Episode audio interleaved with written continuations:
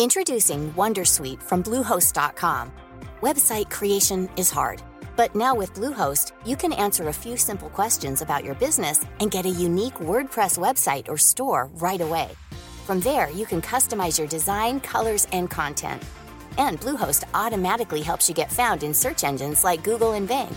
From step-by-step guidance to suggested plugins, Bluehost makes WordPress wonderful for everyone. Go to bluehost.com/wondersuite.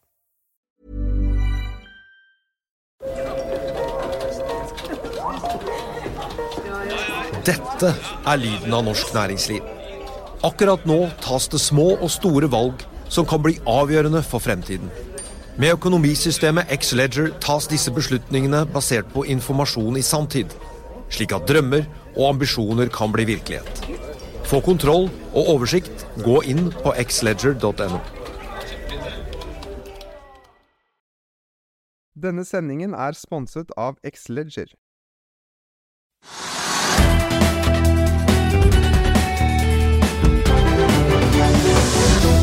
Hei og velkommen til Økonominyhetene. I dag har vi med oss Bård Ringholm i Sparebank1 Markets. Men vi går rett på Oslo Børs. Det kan vi gjøre, og markedet er litt ned. eh, Rundt en kvart prosent, ikke mye. Og så har jo markedene vært litt opp. Også Oslo steget sånn sakte de siste dagene. Også internasjonalt i Europa så har det vært liksom nye all time high-rekorder. Og også i USA er børsene ganske høyt oppe, slik at det har vært en ganske positiv stemning rundt omkring. Men ikke sånne store drag, men altså litt positivt hele tiden.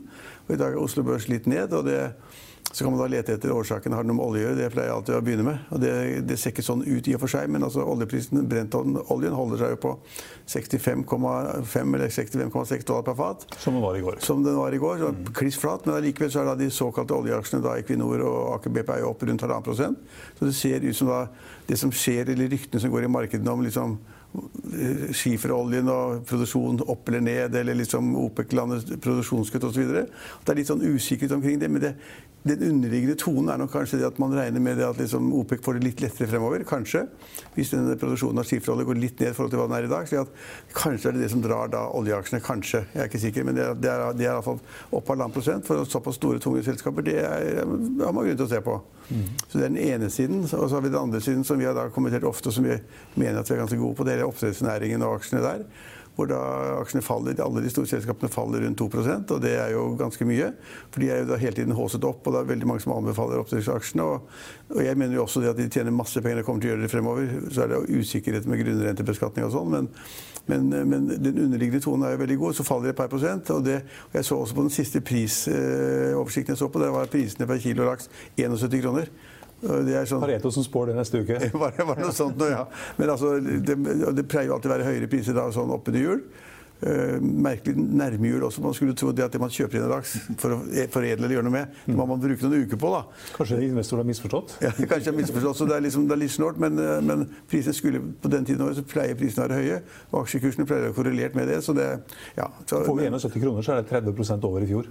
ja, ja det, men uh, om de får de der, så det, det er jul om en uke, er det ikke det? Jo, hørte rykter om det. så, så, så, men de er ned, da. Så det er, liksom, det er to ting på Oslo Børs i dag. Og så er det det kan vi også se da, at interessen for da, den solenergiselskapene er opp. Altså Rex Solar, Rex Silikon, mm. som da Kjell Inge Røkke gikk inn i ved å overta eierposten til Jens Ultveit Moe. Den stiger 7-8 i dag også. Og så er det et annet solenergiselskap som også stiger. slik at interessen for den type aksjer er jo der. og Folk lurer veldig på hvorfor da Kjell Inge Røkke og hans selskaper da kjøpte Rex Silikon. Og det er mange spekulasjoner om det. Jeg skal ikke si noe mer om det, men det at det ligger en sånn stor plan bak om at han som er så tungt inn i olje i Aker BP. At han skal liksom ha det som fikenblad eller et eller annet for å gå inn i, på solenergi og få da en alternativ til fossil energi. Det, den er litt synd for meg. Så langt har det vært en god investering? Ja, så det, det som er poenget, den har doblet seg. Altså, altså, da han gikk inn og kjøpte, så kjøpte han på 1 kroner og 36 øre eller sånn, og nå er kursen da i Ja, over 3 kroner, tror jeg. Over 3 kroner, ja. ja. Så det har vært en veldig sånn, 20 øre, faktisk. Ja, så, men han skal da, for han kan tjene penger, så må han finne en kjøper til den tradingaksjen. Jeg tror ikke det er så veldig mange i dag som uh, ser nøye på pengene, som tør kjøpe da Post Direct Silikon. Det tror jeg ikke. det. For selskapet er jo egentlig dødt. Altså det, Virksomheten i USA er jo lagt ned. og og de får ikke solgt noen ting i Kina pga. de tollene som er der. At det må være noe annet som ligger bak. Men har du så mye penger som Røkke, så kan du godt bruke 85 millioner kroner på et eller annet gøy eller en tanke bak. Eller en konsentrasjon som man ikke ser, som ikke vi forstår. Og han har, har vært kjempegod til å liksom gå inn og fusjonere selskapene sine med oljeselskapene og være stor akkurat når liksom dette tok av. Så det kan tenkes at det ligger en god, smart plan bak, men det vet ikke jeg. Men iallfall så er den type aksjer er litt opp for tiden, da. Mm. Så det er, Solar, som er det andre selskapet som du sikkert tenkte på, de har fått en første kontrakt i Tunisia. Skal Ja. bygge tre sånne svære kraftverk. ja, sånne solparker, da kalles det vel. ja. Ja, det bygger de overalt. Og inngår 20-årskontrakter og 30-årskontrakter til faste priser eller skalerte priser. Så det ser ut som de gjør noe riktig hele tiden. da. At alle disse parkene samtidig skulle falle ut, det tror jeg er det ingen som tror på. Så det er, jeg tror jeg sa det her for et halvt år siden. Er det ett selskap jeg vil anbefale innen den der alternative sektoren, så er det det selskapet. Ett et selskap. Ja. Nei, ellers så er det mm, ja, Det er som du ligner på, oppdrettsselskapene dominerer da på minussida. Det er stort sett de som, er, som kanskje da trekker børsen litt ned De trekker de ned i dag, ja. Eh, ellers er det vel ikke de helt store utslagene. men vi har et par, um, par, par aksjer som DNB Markets har trukket fram som nyttårsraketter. Og en av de aksjene stiger ganske kraftig. Nordic Nanovektor. Hvorfor? Ja, det kan du si. Det er, det er vel fordi at den er anbefalt. Fordi den er omtalt og anbefalt, ja. Den har jo falt ganske mye gjennom egentlig hele året. Og så ser det ut som at den har snudd opp igjen. Ja. Og kan være i ferd med å bryte en eh, fallende trend. Så det, det kan være en biotek. Ja, det, er, fall- det, er, det er de få tingene jeg nevnte som da på en måte jeg mener man kan liksom koble til hva som skjer på børsen. Det er, det er logikk i det, det er fornuft i det. Hvis ikke så skjønner man ikke helt. liksom Det er litt, hit og litt dit, men eh, det er de store trekkene, da. Storm Real Estate opp 32 Ja, men altså Storm Real Estate, det er med all respekt det er bitte, bitte, Jeg vil ikke si filleselskap, for det er det ikke. for en hyggelig kar som kontrollerer det. Men det vet man ingenting om. Har ikke de noen sånne kontoreiendommer i Moskva eller noe? Ja, En som da ikke, er- ikke er fullt utleid engang, og de har de hatt i lang tid. Også. så, man kunne valutaforskjellen da han kjøpte hva, det er nå, eller rubler det, altså, Den vil jeg ikke satse fem øre på. Det, må, det, det er bare hans lille private lommebok. Ja, REC nå er faktisk opp 13 Ja. kan ta med På all time low-listen vår så har vi Axis Geo Solutions. Det er altså nyhet i dag. De har jo egentlig en intensjonskontrakt med en eh, operatør, eller i hvert fall et selskap. Og de har da sendt fire skip ned til Malta. Og så er det trøbbel. Utsettelse. Kanskje ikke blir noe av. Nei, sånn er det ofte. Da, da er den aksjen en av taperne i dag. Faller faktisk 50 Vi kan også ta med at eh, Avilco Drilling også er på all time low-listen, mens EM Solar også er på den samme listen. Det var vel hovedtrekkene. Vi har med oss kredittanalytiker Pål Ringholm, Sparebank 1 Markets. Velkommen tilbake. Da du var i august, så var du litt sånn eh, Du syntes det så litt skummelt ut, og rentemarkedet prisa inn resesjon. Ser det like dårlig ut nå, eller er det noen lyspunkter? Mm, ja, ja lyspunkter er det på marginalen her. Altså, så det var sist, det var vel i august, da. ikke sant? Da hadde jo rentemarkedet eh, nærmest et, nervøst sammenbrudd i en periode. Det det er ikke det. I rentemarkedet varsla allerede i mars i år at eh, to ting. Resesjon kommer. Men ikke med en gang. Det, det er budskapet fra markedet. Det er fra markedet som er Og det, og det står fremdeles? det, det står fremdeles. Men Var det fordi de lange rentene er lavere enn de korte? Eller hva? Det, det er det typiske. Og når det skjer, bare for å ta det, da, så er det ikke fordi at eh, når jeg analyserer det her, de ser i T-planen og ser en kurve som plutselig går en annen vei enn det tidligere. Det er fordi at verdens største marked i dollar terms, 100 trillion dollars, det er rentemarkedet. Aksjemarkedet ca. 80 et eller annet i verden. Eh, når investorer, altså Massens visdom er at eh, de tror at resesjonen kommer ikke altfor lenge, så begynner de å kjøpe lange statspapirer. Da går rentene på den ned, og du får en rentekurve som er såkalt invertert. Det, begynte, det var på et, et farlig nivå i mars, og så fikk vi en slags meltdown i august. så det er en veldig spesiell måned. Det, det budskapet forblir fortsatt. at Vi er vi sitter jo her tross alt et, et halvt års margin ute den lengste oppgangssyklusen som har vært noensinne i, moderne historie. Da.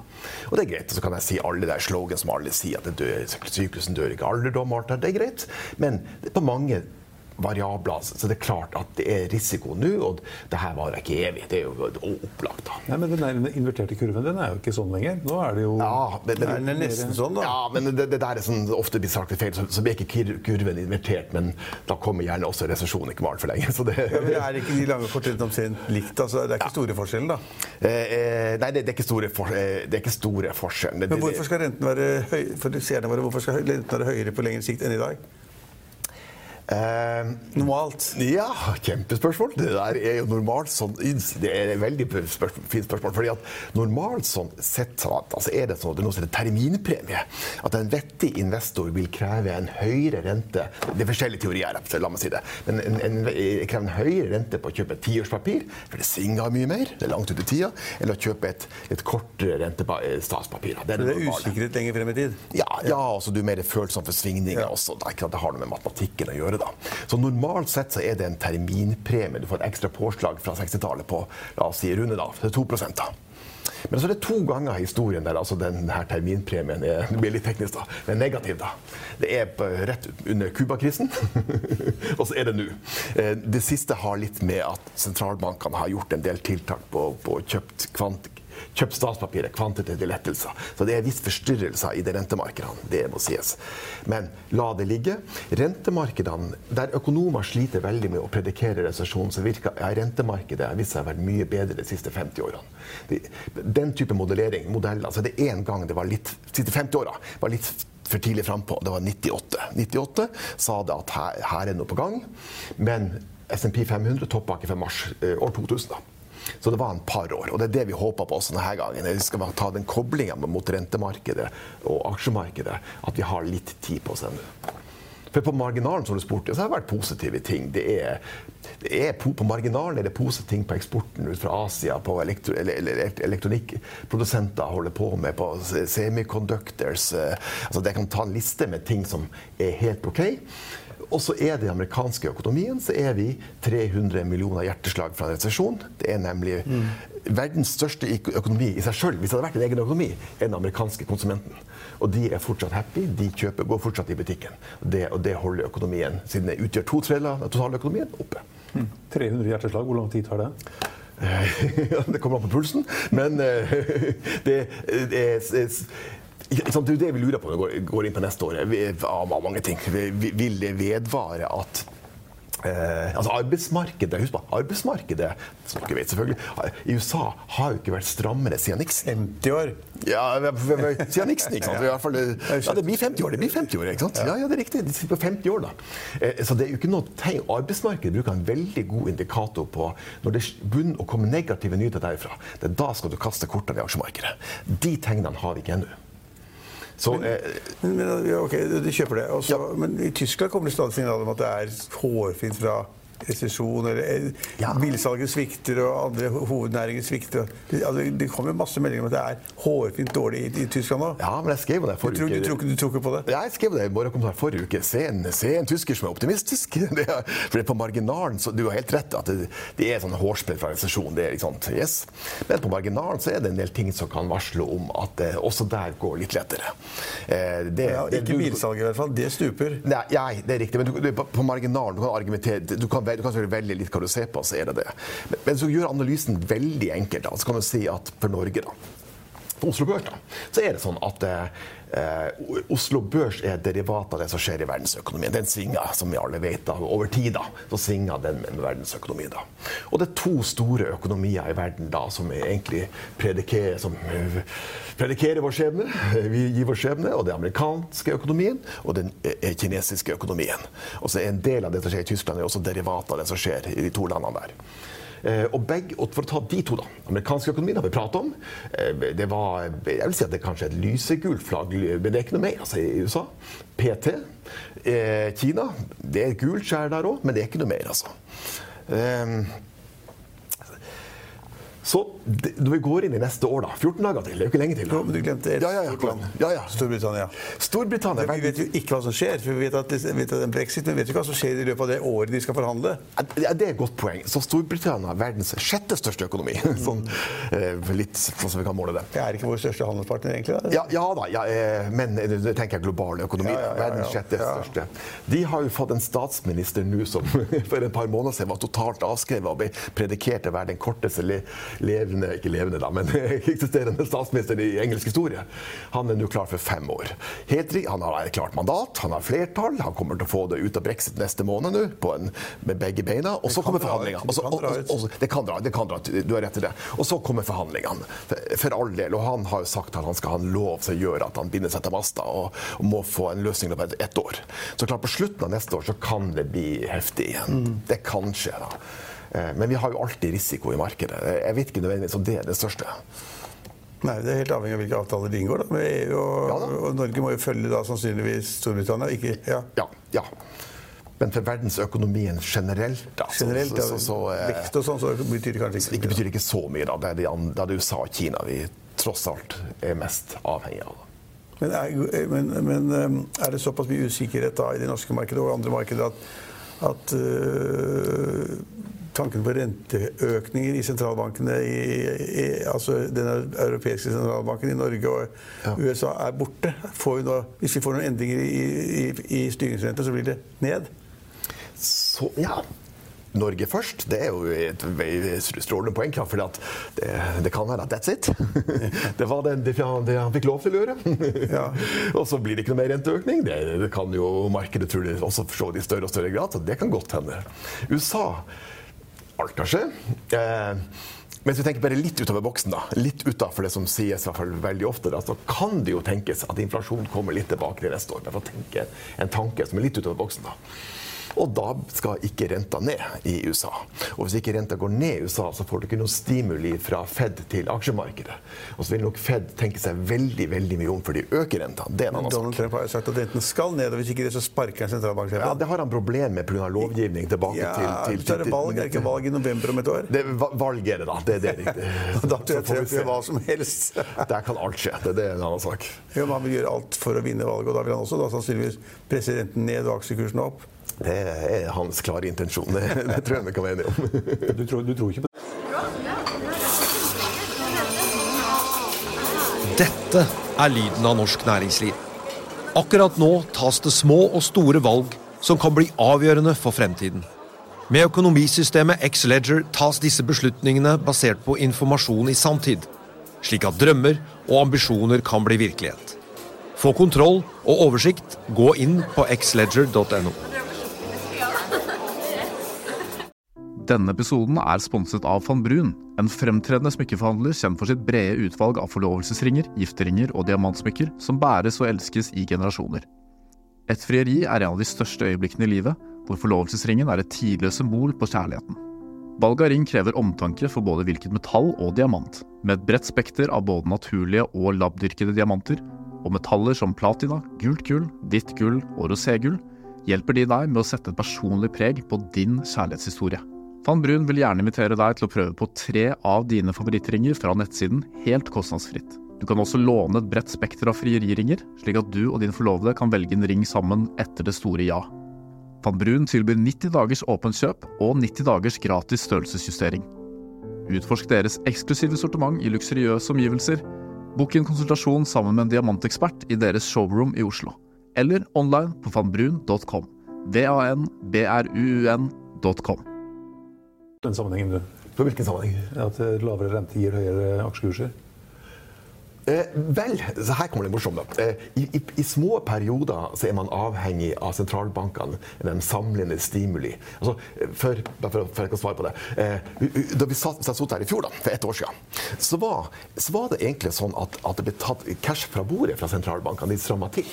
Nå sitter vi her et år senere, og der er det, det omvendt situasjon. Og der er det en synkronisert med de få virkemidlene vi har gjennom siste halve året, at det tilføres likviditet. Man har kutta renta i Kina, man har kutta i USA, og det er lite grann i Europa, det lille de hadde igjen.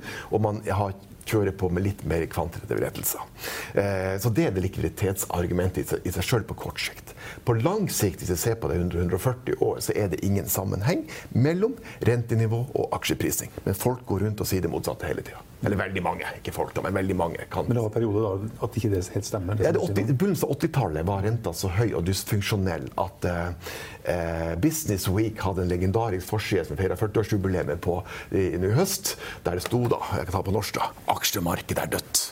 For det var var helt sikker på at nå var, var det ikke noe å hente på aksjemarkedet, selv om de handla på en P på fire-fem ganger. For renta var så høy.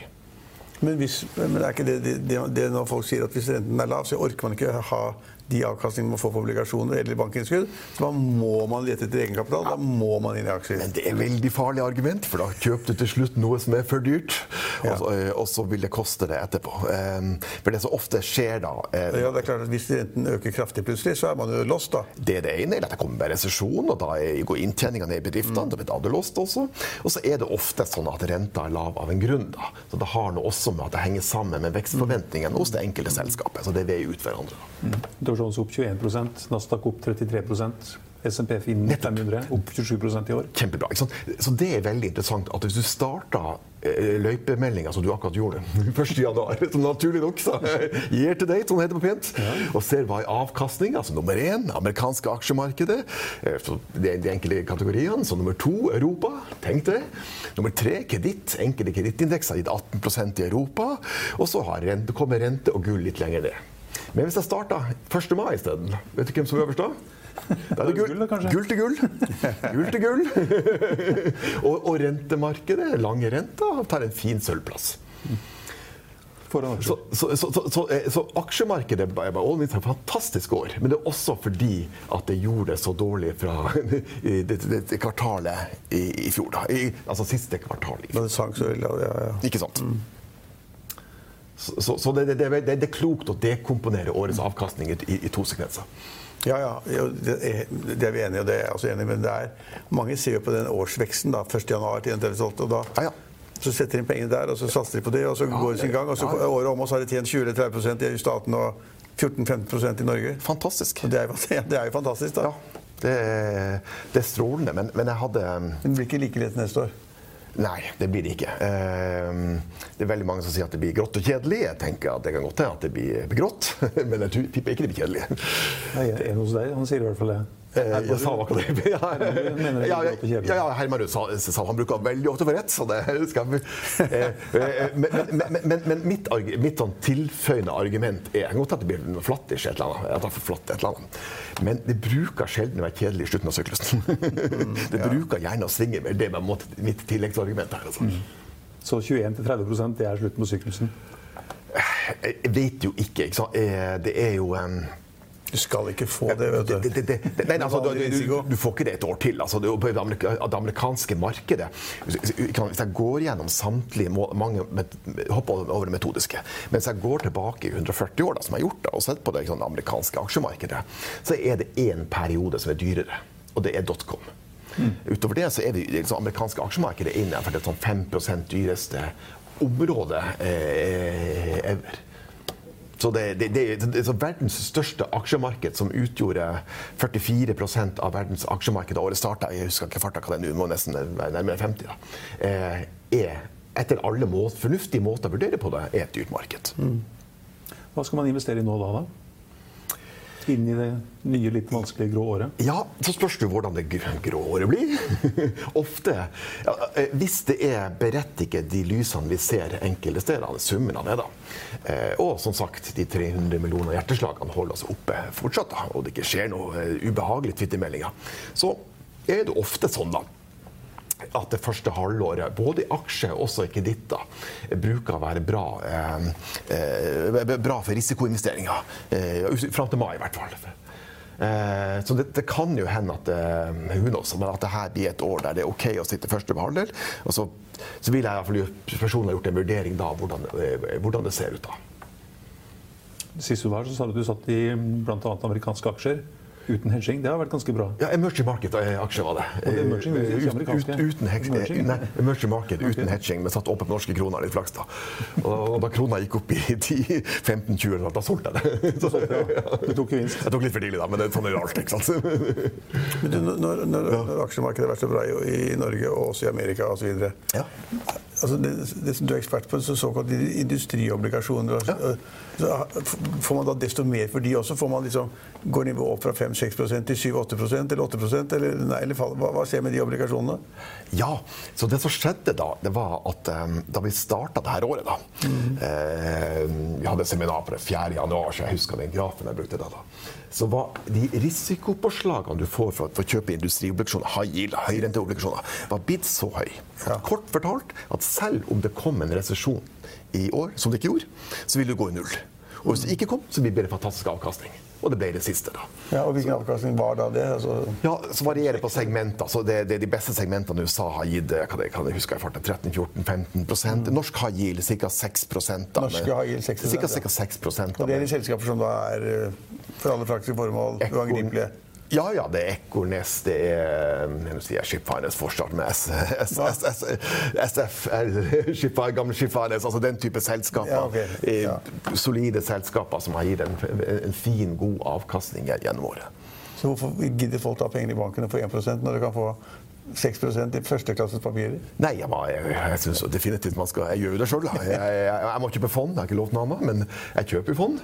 Ja. Eh, og gjør det. Og jeg syns det er sånn, sånn det er, når du er langt ute i syklusen, så syns jeg det er behagelig å sitte der. Ja. Det er rent personlig. Da. Det, så, da sover du bedre? Da sover jeg bedre, godt. Det gjør Rentefond eller aksjefond?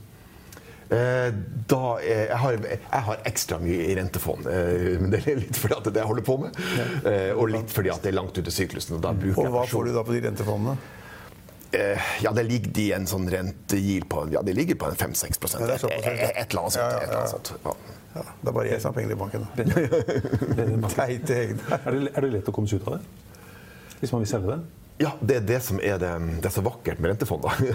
At du kommer deg ut i løpet av noen dager. Da. Ja. Eh, og du slipper å drive og sitte med en Eh, altså de, de, som er proffer, da, de sitter selvfølgelig og kjøper enkeltpapirer, som du gjør i aksjer. Så det er akkurat samme her da.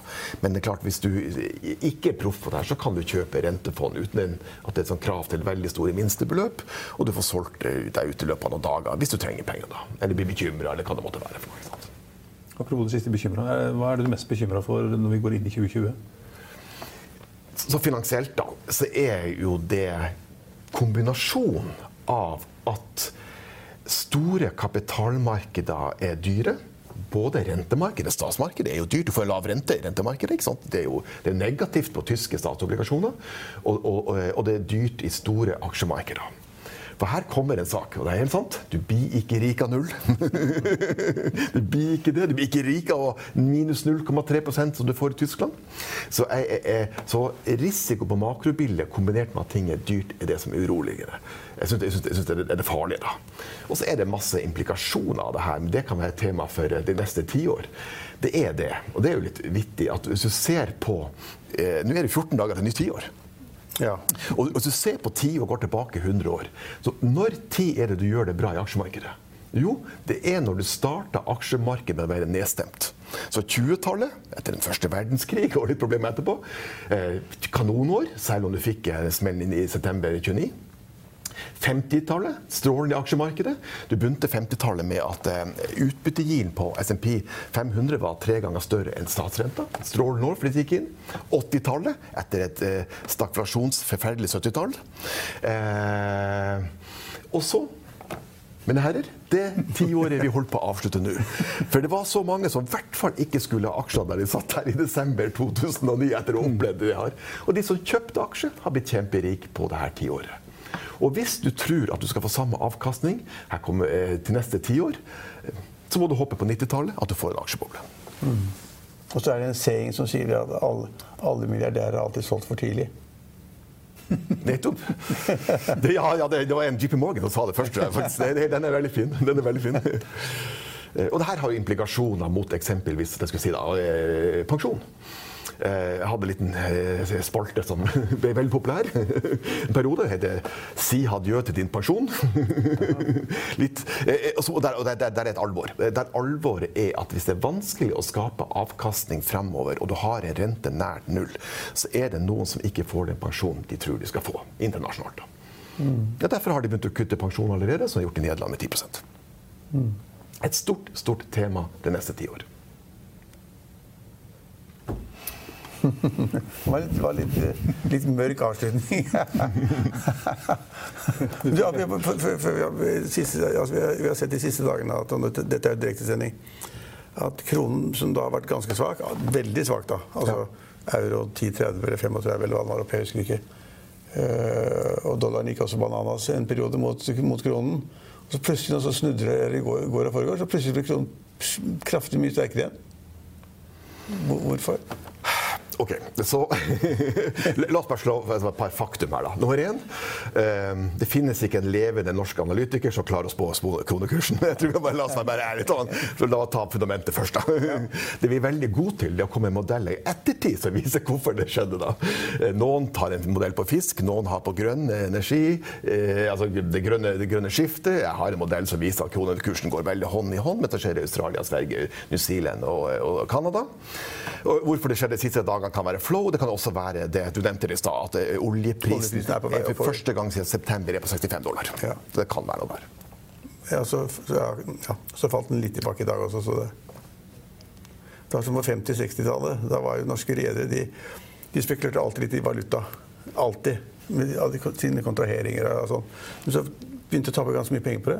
Og så begynte de å hedge mot kontrakter og skivene, og så droppet de alt valuta gjør. For de kunne, de kunne ikke tjene penger på det. Ingen, ingen klarte, ingen var gode. Ingen kunne si at de hadde tjent masse penger på dollaren eller kroner. De klarte ikke, og så ga de opp. Og så begynte de å hedge alle kontrakter. Så fikk samme valuta ved både kontraheringen og de inntektene de skulle ha. Men, eh, Det er en lærdom i det. Bare sånn helt, helt til slutt. I den 100-årige, 140-årige historien, eh, i de periodene da vi har gått på topp mot slutten av en syklus, det må jo være noe på de neste ti årene som er lukrativt å sitte i? Ja, ja. ja, du må ikke vel nesten helt bokstavelig. Det, For det må jo kunne an å Ja, mikse litt på hvor du føler ja. slik at den kommer seg gjennom Absolutt, det er et kjempetema. Så, så, eh, poenget mitt i stad er at hvis du har rett og slett hvis du har høye inngangsverdier, så er det vanskelig å replikere den atferden, samme atferd som vi hadde i ti år nå. da. Det, det, er hovedpoenget mitt. Så ikke blir altfor mørkt. Det, det er ikke det jeg mener. Det, det, poenget er at eh, demp forventningene. det, det var det første, da. Eh, det med pensjon har for veldig mye med lavrent, nullrente å gjøre. Det er et kjempeproblem. Det, det blir et problem i seg sjøl, da. Men ja, det, så kommer det spennende. sånn. Eh, Finnes det en portefølje for alt? La meg vri litt på problemstillinga. Svaret er nei. Det gjør ikke det. Så, så vi sånn tenke tanken etter La oss, la oss nå håpe syklusen varer et par år til. Who knows, altså. Men eh, det, vi, vi kan bli skuffa i forkant her. Altså. Jeg, jeg tror kanskje det smellen kommer litt før da. Ok, Så smeller og så kommer neste periode igjen. Hva, vi opp, hva vi kommer til å oppleve da, vet vi ikke om det er en vanlig opptur. Blir det stagflasjon, altså tenk USA i hvert fall, à la 70-tallet, eller blir det Japan à la det de opplevde de siste par tiårene? Poenget mitt i forhold til de to siste scenarioene, grøftekantscenarioene, er at det finnes ikke en portefølje som dekker opp begge de to der. Eh, I det ene scenarioet, er fra, altså noe, noe i retning av et Japan-scenario, da skal du sitte med infrastruktur, aksjer med veldig stabil inntjening, som eh, gjør det da bedre fordi kapitalkostnaden kommer ned, eksempelvis. Eh, du skal sitte med, med, med faste rentepapirer. Kommer inflasjonen tilbake igjen? Det, kan jo skje. Det er ikke utenkelig. Så skal du sitte med en helt annen type assets-portefølje. Det er eiendom, inflasjonsbeskytta rente, flytende rente, diamanter til deg sjøl. og det morsomme er at i begge de to scenarioene så vil gull, bruk av gull vanligvis gjøre det relativt bra. Ja, Gull gidder vi ikke anbefale. Nei, jeg sier, jeg, jeg sier bare som en kuriositet. Det har vi Gull gidder vi ikke anbefale. Men det finnes sikkert eh, næringer og vil være selskaper og næringer i Norge som er spesielle. Som oppdrettsnæringen, Ja, ja, som turistnæringen. Eh. Men vi- er litt utsatt for eh, at vi er et sånt råvareland. da. Det svinger mye. Enten aluminium eller olje eller gass. Eller, det svinger. Lakseprisene. Det, det svinger ganske kraftig. Det er en uh, ikke ubetydelig risikofaktor. Er du ferdig til jul? Nei. Gavekjøpebud. Ta lørdag og søndag, da. Lykke til med det. Takk for, Takk for at du var med oss igjen, eh, Pål. I Finansavisen i morgen så kan du lese Trygve Egnars leder om Rødt og Bjørnar Moxnes' jakt på de norske milliardærenes pengebinger. Du kan også lese om DNB som er blitt mindre aktiv i Asia. Det var det vi hadde for i dag, men vi er tilbake igjen i morgen klokken 15.30. Da vi må si Jon Olav, Jon Olav Ødegaard i Hofseth Biocare. Følg med oss igjen da.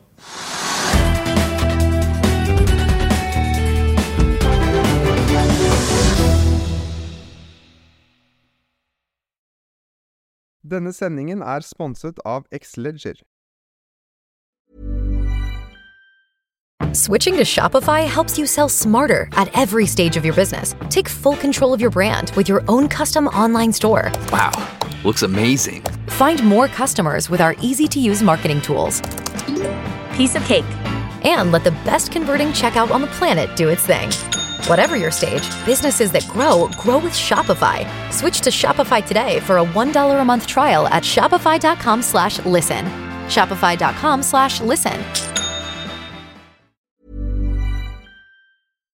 Økonominyhetene er en podkast og videoproduksjon fra Finansavisen.